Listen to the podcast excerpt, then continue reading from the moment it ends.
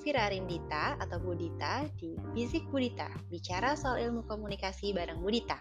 Kali ini saya akan membahas tentang perbedaan teori objektif dan teori interpretatif dari teori komunikasi. Biasanya kalau berbicara tentang teori suka udah pusing duluan. Hmm, tapi sebelum pusing, saya jelasin nih. Ternyata teori itu tidak sesulit yang kita duga kok asalkan kita tahu pakem-pakem apa saja nih yang digunakan dalam teori khususnya dalam teori komunikasi. Jadi sebelum kita uh, belajar lebih banyak tentang aneka teori komunikasi dari berbagai level, pertama-tama komunikasi itu dibagi menjadi dua teori besar. Satu, teori objektif, dan dua, teori interpretif. Pertama-tama saya cek dulu ya ke teori objektif. Apa itu teori objektif? Nah, teori objektif itu ciri-cirinya satu, dia mengedepankan determinisme. Artinya, dia percaya bahwa perilaku individu itu ditentukan oleh keturunan atau sifat bawaan dan juga lingkungan sosialnya. Yang kedua, dia sangat mengedepankan bukti empiris. Jadi, sesuatu baru dianggap benar jika memang sudah menyertakan ada bukti-bukti, ada data dan fakta yang berbicara. Lalu yang ketiga, ciri-cirinya sangat percaya teori objektif sangat percaya pada hukum universal. Ia percaya bahwa kebenaran itu ada di luar sana. Jika suatu teori berlaku pada orang orang ini, orang satu orang, maka dia pun bisa berlaku untuk orang lainnya. Lalu kemudian kita beranjak ke teori interpretif. Apa sih maksudnya teori interpretif?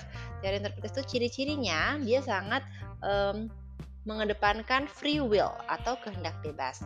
Dia tidak percaya bahwa perilaku individu itu semata-mata berdasarkan keturunan atau berdasarkan lingkungannya. Menurut teori interpretif, individu itu selalu bisa memilih apa yang diingin ingin dia lakukan dan apa yang dia anggap benar. Lalu ke kemudian yang kedua, teori interpretif juga sangat mengedepankan emansipasi. Apa tuh maksud emansipasi? Tadi artinya bahwa manusia itu tidak pasrah. Manusia tidak cuma sekedar bentukan lingkungan atau e, merupakan hasil keturunan sifat-sifat yang menurun, tapi dia selalu punya cara, dia bisa berbeda loh, tiap manusia itu bisa berbeda-beda. Dia punya aspirasi yang ingin dia bawa dalam kehidupannya. Kemudian yang ketiga, ciri yang ketiga adalah interpretasi. Pada teori interpretatif, dia tidak menekankan hukum universal. Dia tidak berusaha membuktikan teori apa-apa, dia sangat percaya, si teori interpretatif ini percaya bahwa kebenaran itu adalah subjektif tergantung dari sudut pandang orang yang berbeda. Lanjut ya, untuk teori objektif, dia punya standar-standar tertentu yang bisa dijadikan patokan bahwa teori objektif ini adalah valid dan layak. Standar yang pertama, dia bisa memprediksi masa depan. Yang kedua, dia bisa menjelaskan dengan data. Yang ketiga, relatif sederhana. Yang keempat, hipotesisnya bisa diuji. Yang kelima, punya kegunaan yang praktis. Dan keenam, dilakukan melalui riset kuantitatif yang berupa eksperimen atau survei. Sekarang, saya mau kasih contoh. Saya mau kasih contoh uh, dari penelitian yang ada. Misalnya nih, ada contoh judulnya, hmm, pengaruh terpaan media terhadap partisipasi politik dalam Pilkada DKI Jakarta 2017. Nah, ini adalah salah satu contoh penelitian yang menggunakan teori objektif. Di sini bisa terlihat, yang pertama dia bilang teori objektif adalah memprediksi masa depan. Kalau dilihat dari teori ini, dilihat dari penelitian ini, misalnya terdapat hasilnya sudah bilang oh ternyata terdapat pengaruh nih antara terpaan media dengan partisipasi politik. Dia bisa prediksi lagi di masa depan oh kalau kita mau minta orang-orang buat berpartisipasi politik lebih aktif maka harus orang-orangnya harus diberi terpaan media yang banyak. Nah itu artinya bisa memprediksi masa depan. Kemudian bisa menjelaskan dengan data. Jadi pada penelitian tersebut dijelaskan nih berdasarkan data-datanya oh media ini media A bisa terpaan yang diperoleh dari media A ini bisa membuat partisipasi orang dalam politik itu menjadi lebih aktif. Jadi ada data-datanya. Oh, karena ada hubungannya nih, semakin dia aktif uh, diter semakin dia aktif mengkonsumsi media, maka dia akan berpartisipasi juga lebih aktif dalam politik. Nah, itu ada data-datanya, ada angka-angka yang bisa membuktikan hal tersebut. Terus yang ke poin ketiga relatif sederhana. Kenapa sederhana? Karena misalnya cuman sudah sudah jelas dia hanya mau lihat terpaan media. Nah, terpaan medianya pun bisa dilihat lagi ini mau terpaan media sosial atau terpaan media konvensional seperti TV atau radio. Lalu partisipasi politiknya tuh siapa nih halayaknya? Apakah mau semua orang dewasa? Apakah mau pada kalangan pemilih pemula saja? Nah, itu adalah sederhana karena dia sudah fokus. Kemudian poin yang keempat hipotesisnya bisa diuji. Misalnya dibilang, oh terdapat pengaruh. Bagaimana cara mengukur pengaruh? Nah, teori objektif ini menyediakan rumus-rumusnya juga. Bagaimana ini bisa ngaruh terpaan media sama partisipasi politik? Nah, itu bisa diuji. Kalau misalnya ternyata betul bisa, kenapa bisa? Ya karena datanya mengatakan seperti itu. Lalu kegunaan yang praktis. Nah, ya kegunaannya harus praktis ya. biasanya nih standar teori objektif itu praktis artinya bisa dipakai oleh misalnya pemerintah oh bahwa kalau orang-orang yang kena terpaan medianya itu tinggi dia akan aktif loh partisipasinya secara politik nah jadi kalau mau partisipasi politik yang aktif harus diberi terpaan media yang banyak kemudian dilakukan melalui riset kuantitatif Nah, ini biasanya ada, ada dua cara, boleh eksperimen, boleh survei. Kalau untuk contoh penelitian yang tadi saya sebutkan, ini biasanya menggunakan survei. Jadi kasih eh, pertanyaan-pertanyaan, nanti diukur dengan skala-skala tertentu, sangat setuju, tidak setuju. Seperti itu contohnya. Saya lanjut ya ke standar teori interpretif. Dia juga punya enam standar 6 standar yang berbeda nih dari teori objektif. Yang pertama, klarifikasi nilai-nilai.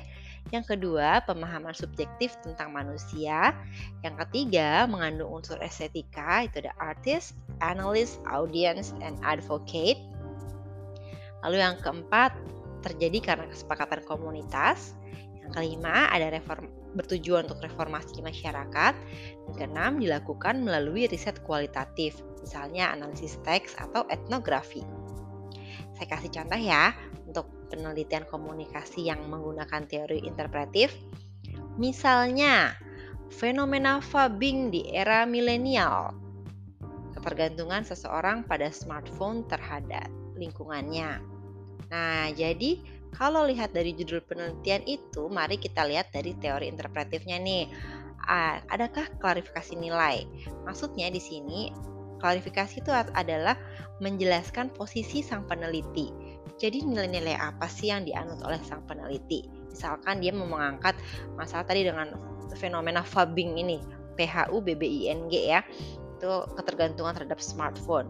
Biasanya orang yang sudah menulis tentang fenomena ini, fenomena ini duduknya sikap nih nilai-nilainya dia apa aku nggak suka aku menilai uh, fenomena fubbing itu tuh nggak baik orang tergantung sama smartphone Nah, jadi ada klarifikasi berdasarkan penelitiannya ini dia akan menjelaskan bahwa nilai-nilai yang dia anut adalah yang seperti ini.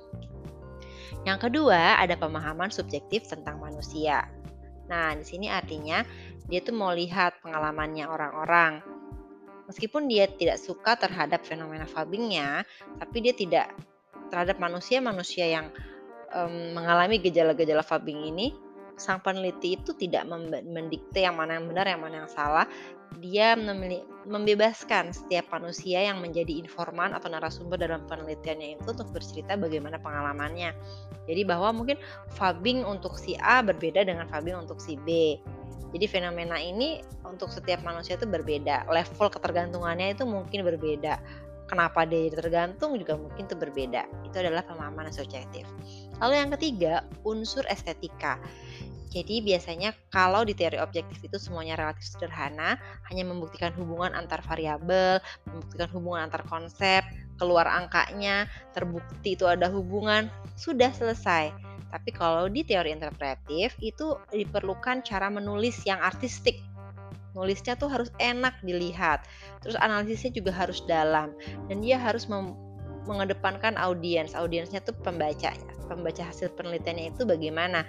Kira-kira menerimanya uh, mudah enggak? Lalu ada unsur advocate-nya juga. Ada unsur nasehatin. Advocate itu seperti nasehatin, ngasih tahu yang mana yang baik, yang mana yang salah. Nah, itu harus muncul dalam penulisan hasil penelitian yang menggunakan teori interpretif. Lalu yang kelima, keempat, ada kesepakatan komunitas. Jadi sebelum sebuah teori ini muncul, itu ada kesepakatan. Oh, bahwa misalnya konsep fabbing. Fabbing itu apa sih? Uh, istilah itu saja muncul sudah pasti sudah ada kesepakatan komunitas kan. Kenapa istilah itu bisa digunakan dalam eh, bahasa-bahasa uh, resmi maupun bahasa ilmiah. Dan yang kelima, tujuannya untuk reformasi masyarakat. Coba kalau kita lihat dari situ, dia mau cerita fenomena fabbing tergantungan pada smartphone, terhadap lingkungannya. Nah, itu kelihatan tuh dia mau reformasi masyarakat. Bisa jadi dia mau ngasih tahu, oh, udahlah, uh, ini tuh bahaya loh kalau kita terlalu ketergantungan sama uh, apa namanya alat teknologi ya, teknologi informasi. Uh, fenomena ini bukan main-main dan ini bukan keren-kerenan.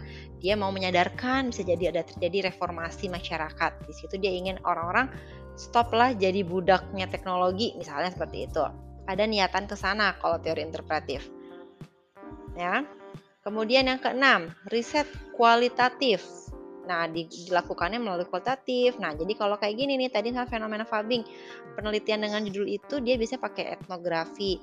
Misalnya dengan cara uh, sang peneliti bergaul secara akrab, mengikuti kegiatan narasumbernya, bagaimana sih dia berinteraksi dengan gawainya dia, dengan teknologi informasi itu seperti apa? Lalu dia wawancara juga supaya kelihatan uh, bagaimana sih sebetulnya orang tuh kalau ketergantungan sama smartphone itu seperti apa ya? Jadi itu adalah salah satu cara kita untuk belajar tentang membedakan teori objektif dan interpretif adalah melalui langsung melihat di judul-judul eh, penelitian di jurnal ilmu komunikasi. Biasanya kalau teori-teori objektif judulnya itu ada pengaruh X terhadap Z pada remaja di mana atau pada uh, dewasa di daerah mana. Ya, ciri-cirinya ada dampak, pengaruh, hubungan. Nah, terhadap. Nah, itu adalah bahasa-bahasa penelitian yang menggunakan teori objektif. Sedangkan kalau yang menggunakan teori interpretif, dia nggak dia tidak ada kata-kata pengaruh, dia tidak ada kata-kata dampak, dia tidak ada kata-kata hubungan ya dia lebih luas kan tadi dibilang dia harus estetik ya misalnya ada lagi contohnya stand up comedy retorika generasi milenial nah, atau fenomena Facebook keterlibatan teknologi komunikasi dalam perkembangan komunikasi manusia jadi kalau di ciri-ciri penelitian yang teori interpretif dia tuh nggak kaku bahasanya. Dia benar-benar uh, tergantung memang apa yang ingin diketahui oleh sang penelitinya. Tapi kalau yang untuk teori objektif dia tuh sedikit lebih kaku. Karena dia sudah jelas uh, mengukur ingin mengukur sesuatu. Jadi ada pengaruh konsep A terhadap konsep B hubungan antara konsep A terhadap konsep B pada masyarakat di mana tahun berapa jadi itu adalah uh, beberapa kata kunci yang bisa kita gunakan ketika kita ingin mm, mempelajari contoh-contoh dari teori objektif dan teori interpretif. Nah, sampai di sini dulu nih. Coba kalian mencerna pelan-pelan teori objektif seperti apa, teori interpretif seperti apa, sekaligus bertanya juga dalam diri sendiri. Kalau aku sendiri nih sebagai seorang calon peneliti, aku lebih suka uh, pendapat yang mana ya? Aku lebih pegang yang mana ya? Nah, nanti itu bisa jadikan bekal bagi kalian ketika akan menulis skripsi. Kalian itu lebih cocoknya pakai teori yang objektif atau subjektif sebelum nyemplung lebih jauh ke aneka teori dari berbagai level komunikasi. Sekian dari saya, semoga bermanfaat. Jangan lupa dibaca juga nih bukunya dari bukunya M. Griffin uh, tentang uh, communication theory. Selamat belajar, salam bisik Budita, bicara soal ilmu komunikasi bareng Budita. thank you